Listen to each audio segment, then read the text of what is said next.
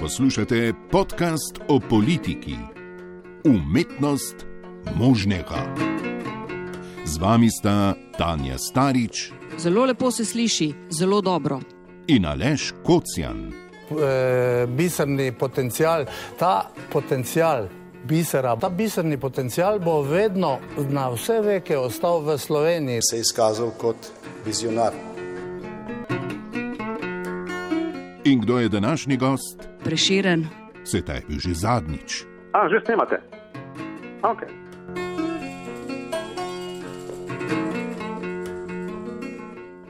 Evo, Tanja, nisem se mogel pred skušnjavi, da ne bi še enkrat tega vizionarskega džingla zarolal. Lep Ne vem, pozdrav. kaj naj rečem, lež. Mislim, to, to kaže ne, en, en mm, rahlo nar narcisistično potezo tvojo, ne, vizionar. Ne. Veš kaj, kolegica- Ostal boš v domovini. Ne, ja. domovini ostajam na RTV. Um, kolegica se mi je za tisto prvo, uh, kako bi rekel, uh, neprimerno gesto na ta način odužila, pa se moram zdaj tudi jaz. Zdaj bomo vse čas vrteli samo ta džingl. Ja, nič, lep pozdrav v novi epizodi podcasta o politiki, umetnost možnega, pripravljava ga Aleš Kocijan, Radio Slovenija, Tanja Starič, Televizija Slovenija. Vse drugo že veste, govorimo o politiki. Smo pred volitvami, zdaj gre za res, ne, bi lahko rekli. Ne. Začela so se predvoljivna soočenja. Začela so se soočanja, uh, začele so se podtikanja in uh, spiniranja, kot temu v novinarstvu rečemo, uh, leti na vse strani, Veš kaj, soočanja pa ne pri. Ja, izvoli. Samo to, ne, žal se niso začela, ne, samo stopnjujejo se. Ne. Tako, ja, no, ampak uh, zdaj smo mogoče na te stvari bolj eh, dovzetni. Um, zato pa morda uh, povemo, da soočene pripravljamo samo na televizijah in uh, radiju, pripravljajo tudi drugi kolegi v drugih medijih. In mogoče zato prav, da se uh, na začetku z najnim tokratnim sogovornikom pogovorimo tudi o tem, kako druge to uh, zgleda. Matija Stepišnik, odgovorni urednik večera, dober dan, lepo pozdravljen in hvala za obisk. Dober dan, Aleš in Tanja, in seveda dober dan eh, vsem poslušalkam in poslušalcem podcasta. Naj vam v vodu čestitam za podcast. Vesel sem, da se ta podcasterska politična scena eh, lepo razvija in super je poslušati te razprave eh, pri vaju. Hvala, Matija, in dobrodošel. Sva zelo vesela, da si prišel. Zdaj pa eno uh, priložnost za eno zelo resno debato ne, o tem, kaj se bo zgodilo, ker ne, čas se res izteka. Zdaj gre pa za res, za res. Ne. Smo se že pogovarjali, tudi ti si bil najen gost, seveda, in vse čas smo ugibali, ne ugibamo seveda tudi če zdaj, ampak ne, zdaj pa res štejemo zadnje dneve, tako rekoč, ne dovolitev. Uh, sicer pravijo, da je zadnji teden ne, ključen, ampak vendarle začelo se je, uh, kot si rekel, Aleš. Um, Tudi večer ne, pripravlja soočenja. Ste že imeli soočenja, kako vam gre? Imate kakšne težave, nočejo priti določeni gosti v- soočenja? Ja, v bistvu prihajam tako rekoč skoraj iz soočenja. Torej, včeraj smo imeli uh, prvo naše javno soočenje, Mariborsko soočenje. Uh, osem kandidatov, strank, ki jim najboljše kaže po naši javnomnenjski raziskavi, smo soočili na različne nacionalne, globalne in pa seveda tudi na mariborske teme, ne na zadnje, tiste teme, kjer ima seveda država neke pristojnosti, seveda tudi na ravni lokalnih skupnosti. Eh, Drugače pa je bilo to v bistvu prvo od štirih javnih soočenj, drugi teden se selimo na ravne na Koroškem, potem pa še v celje in na Ptuj. Uh, tako da na nek način tudi kot eh, časopis, osrednji medij tega dela Slovenije, uh, vstopamo na ta način in odpiramo javni prostor za politično razpravo, ki vidimo, da je na visokih obratih histerizirana, sama sta rekla, podprta že dlje časa z potikanji, spini, igra se umazano. To sicer ni nič novega v politiki, ampak verjetno tako, kot je sedaj, še ni bilo. Seveda pa smo na nek način spostavili oziroma smo definirali tudi eh, koncept eh, predsedniških duelov, torej že, želeli smo se malo razlikovati od teh klasičnih intervjujev ena na ena, v bistvu za predsedniki strank, um, vladnih, opozicijskih smo skozi mandat naredili vsaj en intervju z vsakim, eh, če ne s kom, ki je na kakšni bolj odločilni funkciji, še kakšnega. Ne? Tako da smo se odločili, da želimo soočati. Uh, po dvojicah eh, predsednike strank. eh, Izbrali smo neke dvojice oziroma duele, že pred časom to skomunicirali, danes bi morali tudi z tem formatom, ki bi ga potem prenesli tako, na, tako seveda v časopis, na spletno stran in na druge digitalne kanale, pa tudi na video, nekako štartati, ampak obe današnji, oba današnja duela smo odpovedali. Zakaj? Šele dva dni nazaj sta dve vladni stranki, to sta vladajoča SDS in Nova Slovenija, sporočili, da na ta soočenja ne bosta poslali predsednikov. Mi smo že predtem nekako seveda bili pripravljeni na nek minimalni kompromis, to je, da pošljejo vsaj podpredsednika ali pa ministra. Uh, ampak so nam v bistvu sporočili, da lahko pošljajo samo poslanca. Na strani SDS-a so ponujali gospoda Franca Breznika, ki se je tudi včeraj pojavil na enem soočenju, bolj ali manj nepričakovano, na drugi strani pa so ponujali vodjo poslanske skupine. To smo nekako smatrali kot pritisk na uredniško politiko, na izigravanje nekega dogovora, ki je bil prej sklenjen. Bili smo pripravljeni na kompromis, ampak smo rekli, da smo določili nek rang, ki tukaj mora biti zastopan, in smo potem to rešitev zavrnili. To, to pa je res zanimivo. Uh, soočenje, to je treba povedati, ne? Res veliko. Ne? Zdi se mi zelo zanimiv ta koncept. Ne? Recimo, časopis naredi soočenje, ker načeloma soočenje so stvar televizije. Največ polemik teče okrog tega, vemo, kaj se zdaj tu dogaja z gibanjem Svoboda in nacionalno televizijo. Ampak v resnici ne, e, soočenja potekajo povsod ne, in predvidevam, ne, da uh, uporabljate vse možne platforme in da jim ima doseg. Ne, recimo vaše soočenje, pa tudi verjetno druga, ne, kar jih delajo kolege. Ja, gotovo je. Mogoče se podcenjuje, to hočem povedati. Mogoče se podcenjuje pomen, ne vsi nekako čakajo, kaj se bo dogajalo na nacionalni televiziji in pop TV, ampak v resnici ne, se stvari dogajajo povsod. Ne. Moram reči, da mi seveda včeraj je bilo soočenje prvič javno, v živo, drugič je bilo seveda v živo na Facebooku in na spletni strani večera, delamo jih pa seveda v koprodukciji z lokalno televizijo BKTV, ki je seveda soočenje prav tako v živo prenašala in enako velja seveda za ostala soočenja. Za konec pa seveda naredimo za sobotno prilogo nek temeljit povzetek, tudi pisni povzetek seveda tega, kar je bilo tam povedano. Včeraj smo imeli v bistvu v Mariboru kar, eh, bom rekel, pestro in zanimivo druščino eh, izkušenih, eh, prekaljenih politikov, zdajšnjih parlamentarcev in seveda nekaterih novincev na tej sceni. In predvsem včeraj smo imeli seveda, bom rekel, kar burno razpravo, zato ker so se soočili ljudje, ki so se v nekih političnih bitkah že srčevali, da nimo Franz Kangler in Franz Trček, ne, njuna zgodovina mm -hmm. je tudi iz znamenitega vstajniškega časa. Eh, izrazito pestra. Ne? Eh, bil je poslanec eh, Kaloh, poslanec Rajh, tudi poslanka Mirnik Divjak. Potem pa smo imeli nekaj, seveda, tudi novih akterjev, ne? ki so se zdaj v bistvu prvič nekako podali eh, na ta oder eh, političnega soočanja. Ne. In kako se odvija takšno eh, so, soočenje lokalnih kandidatov? Ne? Seveda, debata je drugačna kot na nacionalnih soočenjih, kjer gledamo v glavnem predsednike strank. Um, je to tekma v lokalpatriotizmu ali bi lahko rekel, da je bila debata, um, tako kot kampanja na visokih obratih, tudi debata na visokih obratih? Debata včeraj je bila polemična, razburljiva, seveda pa je bila v pomembni meri tudi na pogon lokal patriotizma. To je pač neizbežen dodatek v to vrstnih razpravah, da pride seveda na neki točki do, eh, bom rekel, prerekanj in pa tekmovanja v tem, kdo je seveda za nek kraj, kjer takrat gostujemo. Naredil več. Eh, naredil več ne. Kar je bilo včeraj zanimivo, je bilo seveda to, da so se predvsem desni, desno-sredinski kandidati. Eh, tudi zelo dobro organizirali in so pripeljali v bistvu na to soočenje eh, svoje navijače, ki so potem seveda ustvarjali kar pomemben pritisk eh, na, bom rekel, kandidate nasprotnega političnega tabora, kar kaže, da v bistvu tam so stvari zelo jasne, ne, organizirane.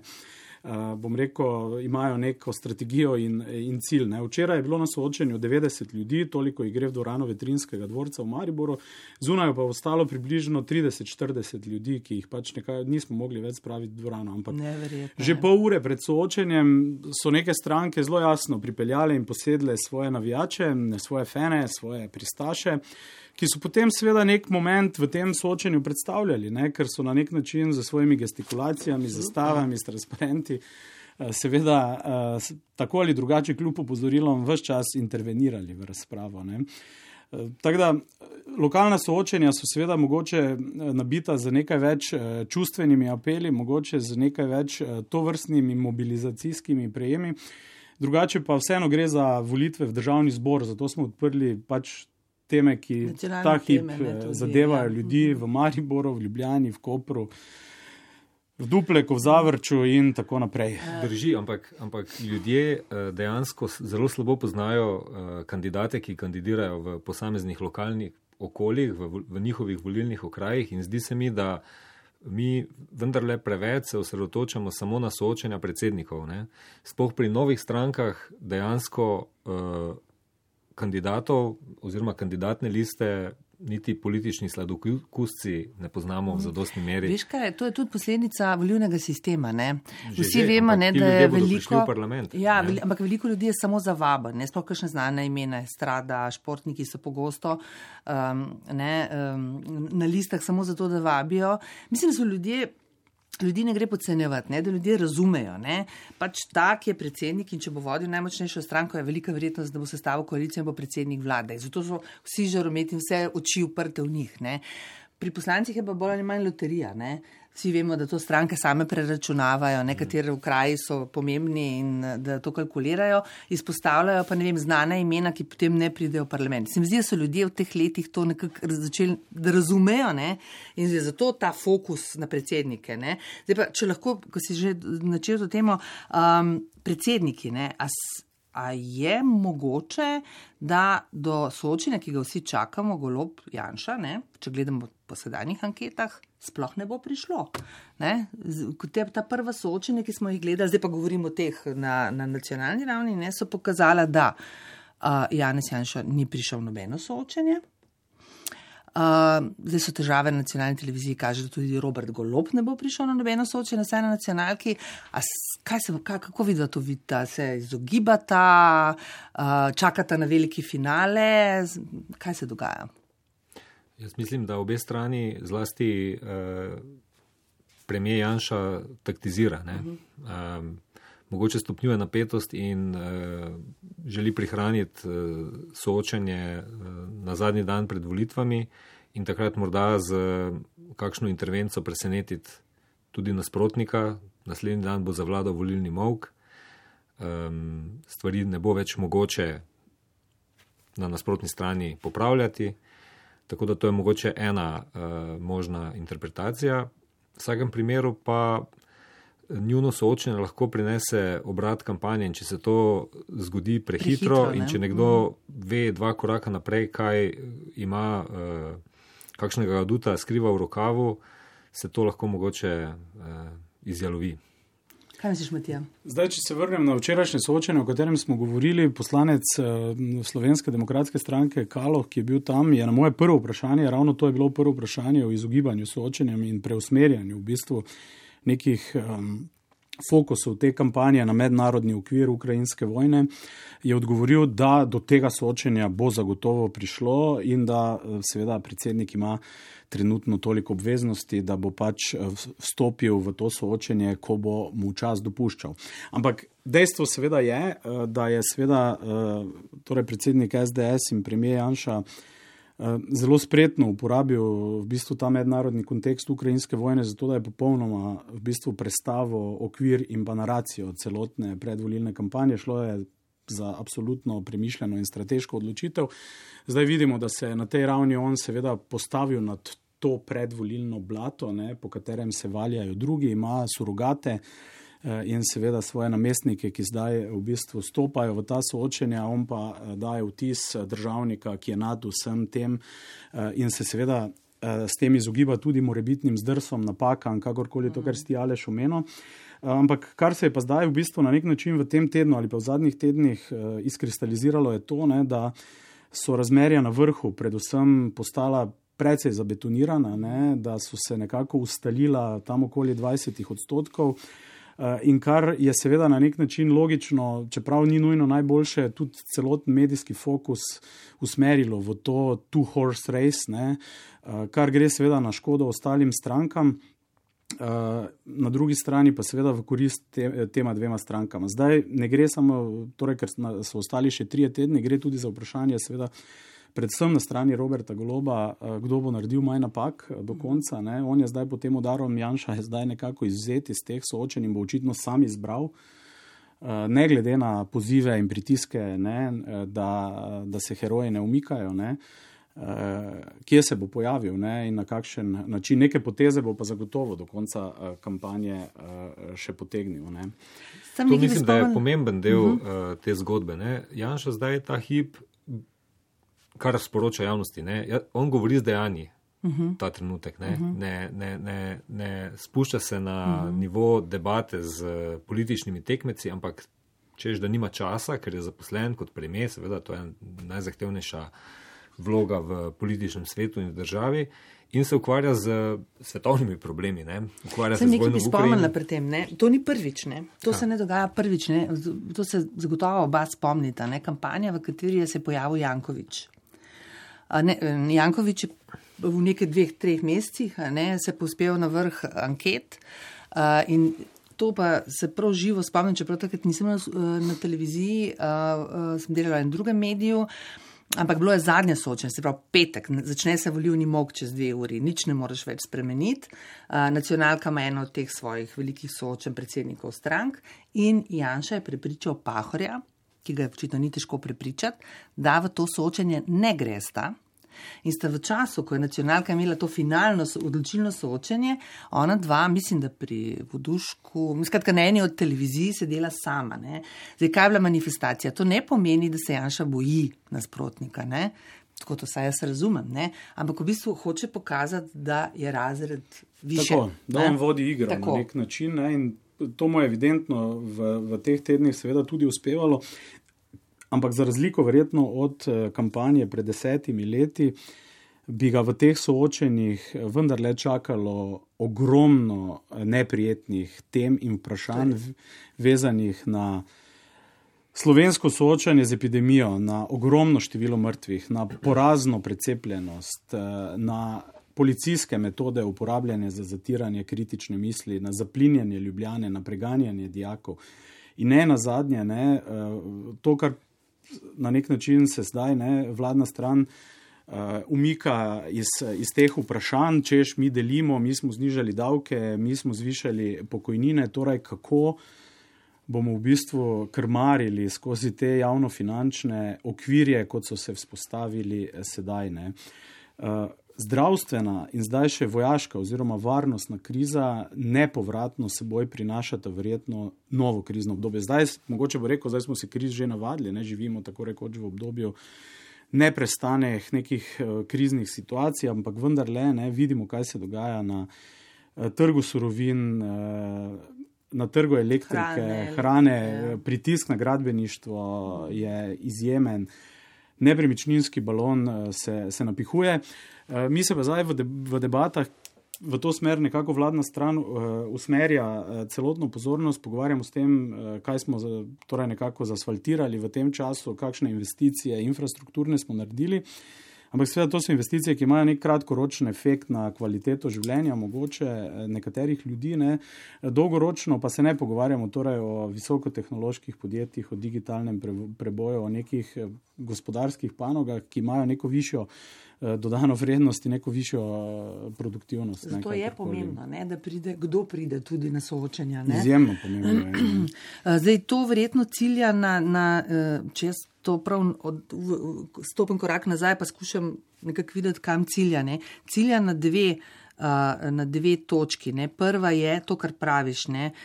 da ljudje pač radi živimo dobro, udobno. Ne? Skratka, imamo asfaltirane ceste, imamo dodatek pri pokojnini, uh, se gradi vem, no, novo krilo doma za starejše. Ne? To je vse pomembno. Ne? Ni pa, kot praviš, strateško vprašanje. Tukaj pa še nismo. Ne? In cilje, druga stvar, kamor ciljajo, je gospodarstvo. Ne. Zelo eh, velik fokus je na to, ne, če pride na oblast koalicija, v kateri bo stranka levica, bodo davki višji. Ne, moraš, da tudi na, eh, in, ja, tako, ne, mi ponujemo više plače, oni ponujajo više davke in nekako računa na to, da bi se gospodar, gospodar, gospodarski del, menedžerski del ustrašil te levo-sredinske vlade, ker bi pač bile obremenitve više. Ne. To se mi zdi, da je fokus te njihove kampanje. Ja, pa ne? še nekaj, ne? usmerjajo ja. se na skupine, ki so dejansko v tem času uh, bile deležne uh, nekih uh, bonitet. Uh -huh. To so bili uh, upokojenci in drugi z dodatki. Pa na vse zadnje gospodarstvo, ki mu je država pomagala z tem izposojenim denarjem, na način, da je ohranila delovna mesta. Uh -huh. Kaj pa je lepšega, uh -huh. kot to, da gospodarstvo normalno, pa morda ne normalno, ampak vsaj brez večjih težav dihalo in ohranilo. No, to je recimo Počivalškova ne, v ja. tem soočenju na PopTV, zadnjem je to Počivalškova mantra, ne, ki jo je ponavljala čez celo, čez celo soočenje. Ne. Mi smo rešili gospodarstvo, ta, to je ta fokus, ne, ki ja. ga imajo. Ne. Kaj pa kul cool, in golob? Samo kako... to bi še mogoče ja, dodal. Ne. In, in ta uh, vladna stran. Uh -huh ki zelo dobro razume eh, svojega voljivca, zlasti v SDS-u, verjamem, da zelo dobro vejo, kdo so njihovi voljivci, pa v Novi Sloveniji tako isto. Eh, točno vedo, da se voljivec obnaša racionalno na način, da ga najprej zanima, kaj ima on dobrega od ja. uh, oblasti in od aktualne politike. Voljivec ne gleda širše, ne vidi celega konteksta, ne vidi to, kar se mi pogovarjamo. Ne. Poprečnemu voljivcu je verjetno za Ali pa mogoče volitve, nekatere oni računajo. Ne, ne Smo različni, pa ja. ne, verjetno računajo na, te, na to skupino, ki pač gleda na to, da ima to svoje življenje pod nadzorom na nek način. Mimo grede, ne, eh, povežimo Slovenijo, naša država, zaenkrat jim ne kaže, da bi. Ja, se v bistvu to, kar smo že prej na nek način načeli. Na vrhu so stvari trenutno bolj ali manj kar jasne. Ne. Tu nekih velikih sprememb, razen v primeru nekih kapitalnih napak ali pa nekih nepredvidljivih dogodkov, ki bi lahko Eh, vnesli neko novo dinamiko v to uh, relacijo med SDS-om in uh, gibanjem Svoboda. Ne vem, če jih je za pričakovati ne, toliko do konca. Kampanje bistveno bolj zapleteno in za prihodne odnose ali pa politične razmerja ključno je pa zdaj dogajanje v bistvu na repo političnega prostora oziroma pri Pragu. Uh -huh. uh, kar se tiče koalicije ustavnega loka, sta tam vsaj dve stranki, ki nista na varni strani radarja, ta hip, lista Marjana Šarca in stranka Alenke Bratušek, ki Sta sicer, zdaj bom rekel, nekako po raziskavah, seveda v parlamentu, ampak um, vemo, da zadnji teden lahko prinese tudi um, taktično glasovanje, neko, neke, neke druge, bom rekel, odločitve volilnega telesa, s katerimi želijo vplivati na končni rezultat. In pa seveda za drugi del političnega prostora pa bo ključno, ali se torej v parlament lahko prebije predvsem Aleksandra Pivec. Um, ne glede na zadnje afere in absolutno nek efekt, ki jih eh, te bodo in jih imajo, uh, vidimo tudi, da po odločitvah, ne na zadnje v naši javni medijski hiši, vendar le tu obstaja nek zelo jasen pritisk, ne, da se na nek način seveda. Se jim malo pomaga. Da se jim pomaga. Ne. To niso politične odločitve, to so pravne odločitve bi se strinjal z tistim odzivom na to pravno odločitev, da bi se vprašal o tistem pravniku, ki se je pod to pravno odločitev uh, podpisal. Uh, in na drugi strani, seveda, povežemo Slovenijo. Povežemo Slovenijo je pa seveda neka formacija, ki izrazito stavi na eni strani, kar sta povedala, na, gospodar, na gospodarstvo in obrtništvo, na drugi strani pa seveda na aktivacijo tega lokalnega potencijala županskih mrež. Ne, tega, kar SLS v zadnjih volitvah ni več uspel nekako mm. zmobilizirati in motivirati v bistvu teh baz, ki jih imajo župani, ne, in zdaj v tem novem formatu poskušajo to nekako obnoviti. Ne, eh, in kakorkoli obrnemo, ne, ta potencial obstaja, ne, nekih lokalnih matadorjev, ne, ki tam obvladujejo sceno in lahko nekako pripravijo ljudi, da se odločijo, da grejo na volitve. To blagovno znamko, kar... V tem koncu Štajerskem, ne, se, Absolutno. Je, je to zelo močan moment. Obstaja pa stava na Štajersko, tega gibanja je zelo, zelo močna. Obstaja ena razlika med eh, na eni strani SAP in LMŠ, ter na drugi strani povežimo Slovenijo in uh, našo deželo. Ne. SAP in SMC že obstajata v političnem prostoru nekaj časa, tako da imata že vzpostavljeno neko svojo uh, bazo, ki jo lahko morda, ne pa nujno, reši. Ne. Na drugi strani pa te. Pa ne, mor, ne moramo reči, da te baze ni, ker ugotavljamo, da je v pomembni meri vpeta baza SLS-a, pa županska uh, mreža. In s tem, da Ale, Aleksandra Pivec pa te baze vsaj na ta način nima zagotovljene. Tako da tu, je, tu obstaja ta razlika, delajo pa zelo dobro kampanjo, sploh povežimo Slovenijo. Ne? Oni so zelo prisotni v lokalnih okoljih, množično prisotni in se naslanjajo na to mrežo, kar si. Omenil. Tako kot zdaj stvari stojijo, če se radikalno ne spremenijo, bodo dejansko prihodno vlado odločile te stranke, ki bodo na repu, kot praviš, ne, katera od njih bo prišla v parlament. Ne. In nekako je bilo tudi, eh, če smo hojza pozorno poslušali ne, eh, njegove namige, ne sej. Uh, dve stranki kula ali pa ena stranka kula ne pride v parlament, ne, točno na to računajo. Ne. Če bo prišla uh, uh, katera od teh dveh strank v parlament, je kar verjetna možnost, da bo se sedanja vlada obnovila. Ne. Tako da zanimivo, ne? boj na repo. Na repo. Ja, in še en moment, mogoče tukaj je za izpostaviti, vendar le ne, volilno telo uh, Roberta Goloba ne, uh, je najbolj. Bom rekel, volilno telo, ki se največ celi. Torej, to je volilno telo, ki se je v preteklih desetih letih organiziralo in se pridružilo, seveda, uh, različnim novim strankam, inicijativam. To volilno telo se na, na nek način hitro postavi za nekega novega aduta, ne? očitno to volilno telo zavrača ali pa vsaj ne vidi neke uh, res ta boljše opcije v strankah koalicije ustavnega loka. Ne? In, ampak to volilno telo lahko verjetno zelo hitro nekako zgubi, torej tudi to navdušenje ali pa eh, neko podporo. In tu je stava SDS-a, torej demotivirati verjetno del tega volilnega telesa, ne, da, eh, da sploh eh, ne pride na volitve. Mhm.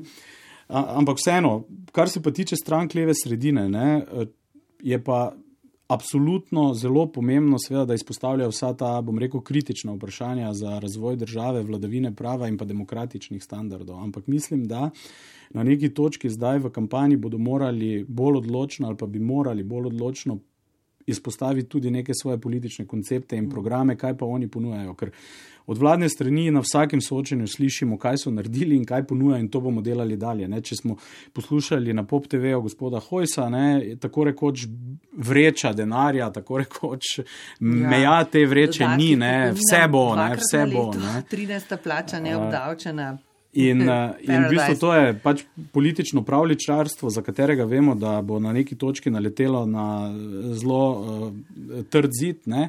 Ampak na drugi strani, poleg ukvarjanja z temi vprašanji neodvisnosti medijev, nadzornih institucij uh, ali više grajska pot ali pot jedrne Evrope in tako naprej, je pomembno, da seveda stranke leve sredine nekako uh, javnosti uh, bolj jasno predstavijo, kaj so pa njihove rešitve na področju gospodarstva, pokojnin, zelenega prehoda in vsega tega. Ne rečem, da tega ne govorijo, ampak se mogoče razgubijo. Eh, moj občutek, ne, ker uh, Kul je bil pre, lani v ofenzivi, ne, do točke, ko je Pahor povedal datum volitev. Potem so se so opustili ne, svojo akcijo v parlamentu ne, in se začeli pripravljati na volitve. Ne. Ampak nekako se ne more znebiti občutka, da prehitro, da se jim je prehitro zdelo na tem valu nezadovoljstva, ne, takrat je bila tudi epidemija, omejitveni ukrepi, da, uh, da so nekako preveč um, stavili na to, da pač je nezadovoljstvo ljudi tako veliko, da bo že samo nasprotovanje pač sedanji vladi uh, prineslo zmago, da je ta samoumevna. Tudi, ko govorijo, ne, pogosto govorijo, ko bomo mi um, pripravljeni, tako ta uspa, neka vrste uspavanost ne, in se vrtijo, te, če sklepam po teh prvih soočenjih, ne, se vrtijo v tem krogu že znanih argumentov. Ne, in kritike, ki jih berem recimo na, na omrežjih, letijo točno v to smer, ne, da bo treba morda stopiti, ne morda, bo treba stopiti korak naprej ne, od tega, ne, ne, pač nismo zadovoljni in obljubljamo normalo, ne, to je nekak njihovo. Ja, to normalno je treba verjetno bistveno bolj odločno konkretizirati, bolj uh, ofenzivno za tem nekako nastopiti. Zdaj, kar se kula tiče, se mi zdi, da so relacije v, uh, ne vemo, ne, da, da je ta v bistvu koalicija imela seveda svoje notranje težave, spore, ne, solo akcije in podobne poskuse iskanja pozornosti ali pa neke diferencijacije, se mi zdi, da so zdaj na, na nek način precej uigrani in da so pravila uh mhm. -huh. med njimi jasno izpostavljena, bistveno manj nekih izletov v neznano, tiskovnih konferenc, eh, ki jih partnerji ne poznajo, nekih politik in ta, eh, tako dalje. Polivija, eh, Ni pa čisto jasna še relacija med kulom in gibanjem svoboda. Ne. Tam vendarle obstaja to vprašanje ne, mandatarstva, če bo prišlo do te točke. Ne. V kulu trdijo, da če se prištevek njihovih rezultatov višji od Goloba, ne, si nekako predstavljajo, da bo mandatarstvo pripadlo njim, ne, kot eh, pač politični skupini štirih strank. Na drugi strani pa je Golob eh, v primeru relativne zmage že napovedal, da absolutno pričakuje, da bo mandat dobil relativni zmagovalec. Tako da tukaj bo tudi zanimivo še opazovati, kako se bodo v bistvu to, ta, te debate. To vprašanje ne je že v tem ne? prvem soočenju priplavalo, ne mislim, da je Tanja Fajon ne, nekako nakazala, ne, da pričakujejo, da bo pač kul, cool, čeprav bo imel, imela vsaka posamična stranka manj glasov, predlagala mandatarja, ne glede na to, da bi golob zmagal. Ne. To utegne biti velik problem možno je, ne, da se bo tudi fokus ne, vprašanj ne, uh, usmeril v to smer in bi bilo zelo, zelo pametno, ne, če, če nameravajo, ne, če pač računajo to, da bodo skupaj sestavljali te stvari, dorečejo pred. Volitvami, ne, ker to utegne biti cokla ne, in uh, lahko tudi odvrača voljivce. Ne. Ker na desni sredini, na desnici je, so te stvari, hierarhija in kdo igra kakšno vlogo, seveda popolnoma jasne in v tej uh, senci, ki jo meče premije na, na ta del uh, političnega prostora, uh, so se očitno uh, vsi sprijaznili z vlogami, ki jih igrajo, posebej Nova Slovenija, ne, ki je nakazovala neko višjo ambicijo v preteklosti, ne, je v bistvu tukaj zdaj. Uh, pokopala upe v to, da bo postala prva stranka desnice, kaž, kot kaže. Ne? In sredine. In sredine. Ne samo pokopala te upe, ne, v bistvu se je nekako pozicionirala kot eno ali pa dve rezervni kolesi v bistvu tega, tega voza. Vse to je, ne, oni so, vsi, oni so vsi spoznali, kakšen je njihov domet ob tem, ko je hegemon SDS. Na drugi strani tega hegemona pač že dolgo ni in zato vlada nenehna tekma med uh, akterji na, na levi sredini. In vedno znova jih nekdo preseneti, nek nov obraz, tako kot zdaj Gibanje Svoboda, ki posrka vso pozornost nas.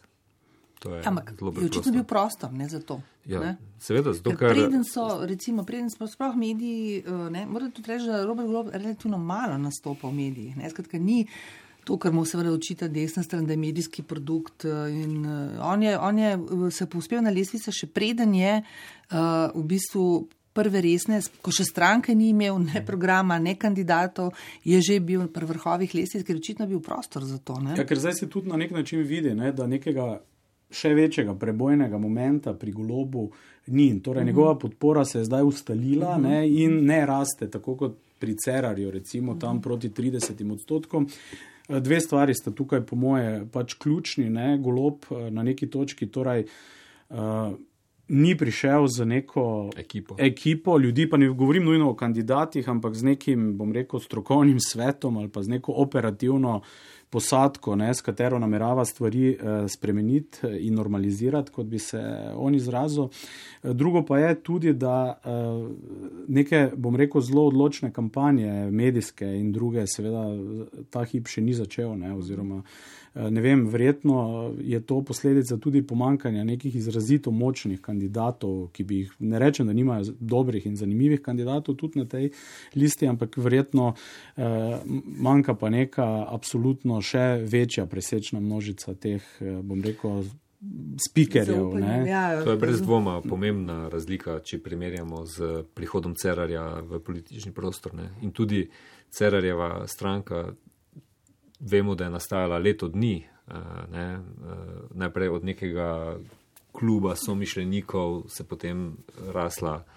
Strokovni svet so imeli, ki je pisal programe. Tako, ne, tukaj pa se je golo pojavil, prevzel stranko obstoječo, relativno nepomembno zato da ni izgubljal časa za to. Kolo ima mogoče prednost to, da je v politiki že bil, medtem ko Miro Cerar je bil vse čas samo opazovalec. Uh, je pa res, da samo na oskem svojem strokovnem področju, ne, se pravi energetike, uh mhm. -huh. tukaj ni dvoma, da se na področje spozna, ne vemo pa še vedno ne vemo, ne, uh, kaj to pomeni za vsa druga področja. Um, ali se lahko zgodi, da bo uh, golob manj nastopil ravno zato, da ne bi se mogoče razkrile slabosti v tej njegovi uh, zgodbi, ki zdaj prihaja in je očitno uspešna. Se lahko zgodi, da bodo v bistvu se uh, ne, na našo veliko žalost, torej medijev, ne, da, da bodo v teh nastopah celo manj.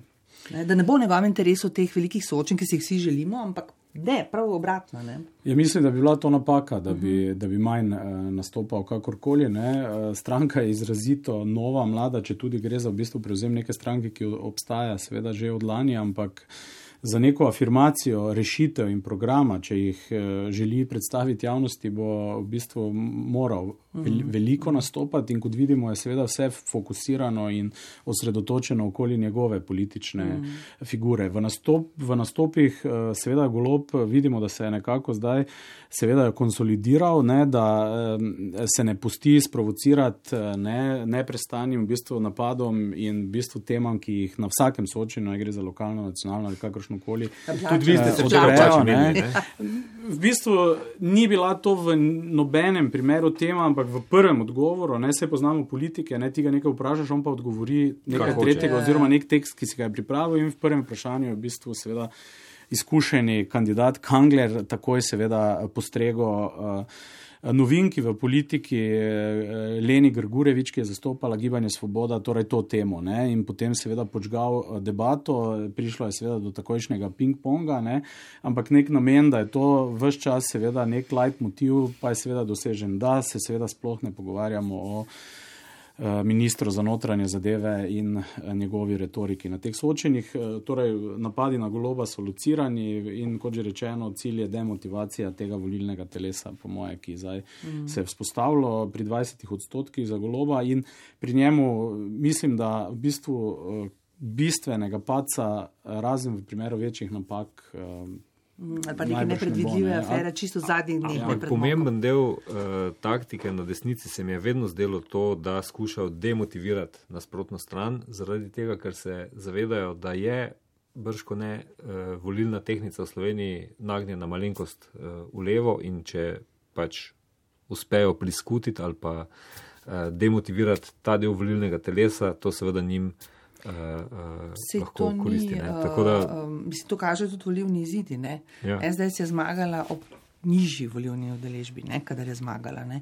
Mogoče uh, to še eno. Uh, kaj mislim, to zdaj eh, težko napovedati, ampak kaj lahko pričakujemo v prihodnjih tednih in kaj ti, ti misliš, da kakšno vlogo bodo tukaj odigrali mediji? Ne? Meni se zdi zelo zanimiv podatek, ki ga je nama povedala eh, Janja Božič Marot, da v bistvu mediji, ki jih obvladuje um, desnica, uh, desnica ja, uh, zdaj moram reči, v lasti celo, ne, lasniško obvladuje, uh, zdaj dosegajo že 35 odstotkov, medtem ko so na prejšnjih volitvah 2 odstotka.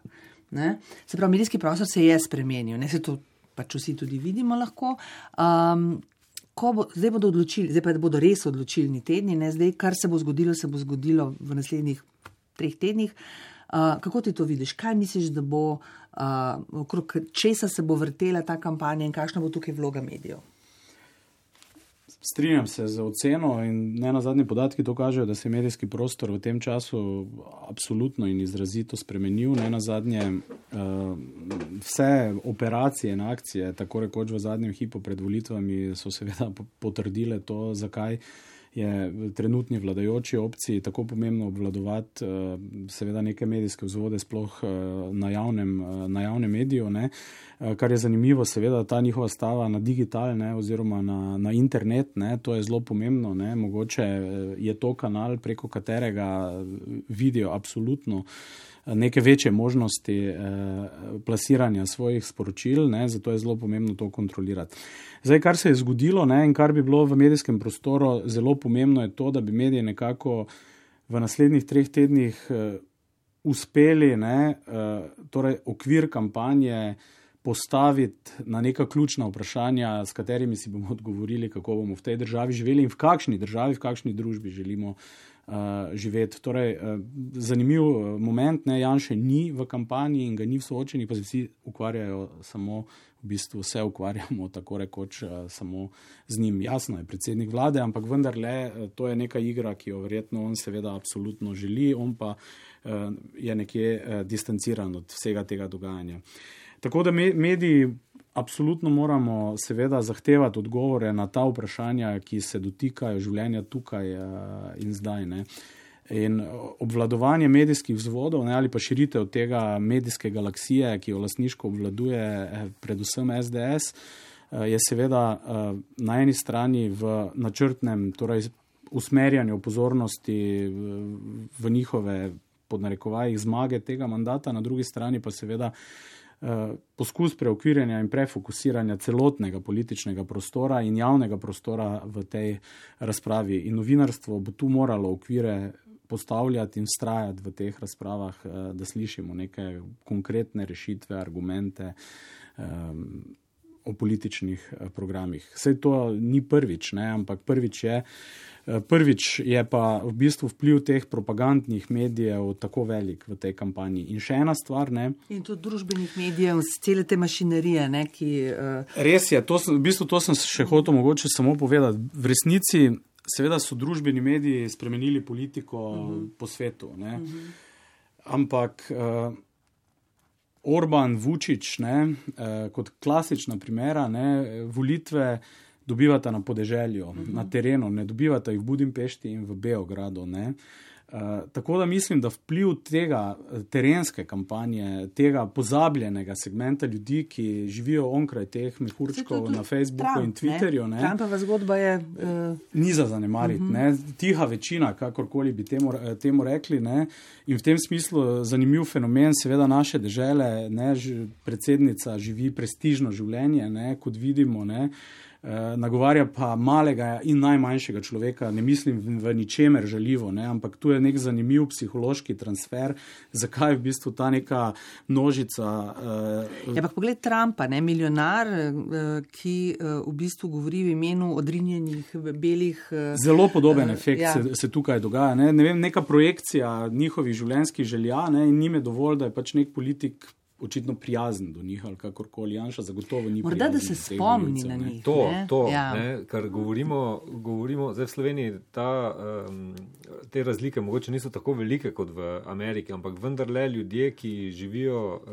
v. Se čutijo pozabljeni, odrinjeni. Se počutijo tako. Ja. In ti ljudje gre, gredo ne. na volitve. In ne. zdaj ne, tja ne pride avtobus uh, gibanja Svoboda, ampak pridejo. Zdaj sicer imajo svoj avtobus. Že, že, ampak ne vem, če so bili na Goličkem že. Grejo, grejo večja mesta. Ja, Novo Gorico. Pa. Tako da onkraj teh, bom rekel, medijske realnosti mm. in pa družbenih medijev obstaja, bom rekel, še en segment volilnega telesa, na katerega mogoče bolj kot uh, medijski svet vpliva dejansko še vedno, bom rekel, nek neposredni nagovor, da niso pozabljeni, da jih nekdo posluša, magari v lokalnem bifeju. Zdaj tega seveda ne bi predsenjeval, ne, ne, da je to zdaj lahko odločilno, ampak vseeno. Uh, iz, iz, pomembno, iz učbenikov, ne, po, ki jih berejo in jih seveda zelo dosledno tudi na primeru RTV upoštevajo uh, desni uh, načrtovalci kampanj, zagotovo izhaja tudi to. Uh mhm. Čeprav res ne vem, če ste videli, ne, famozna je bila ta slika, ki je zaokrožila te dni, kako.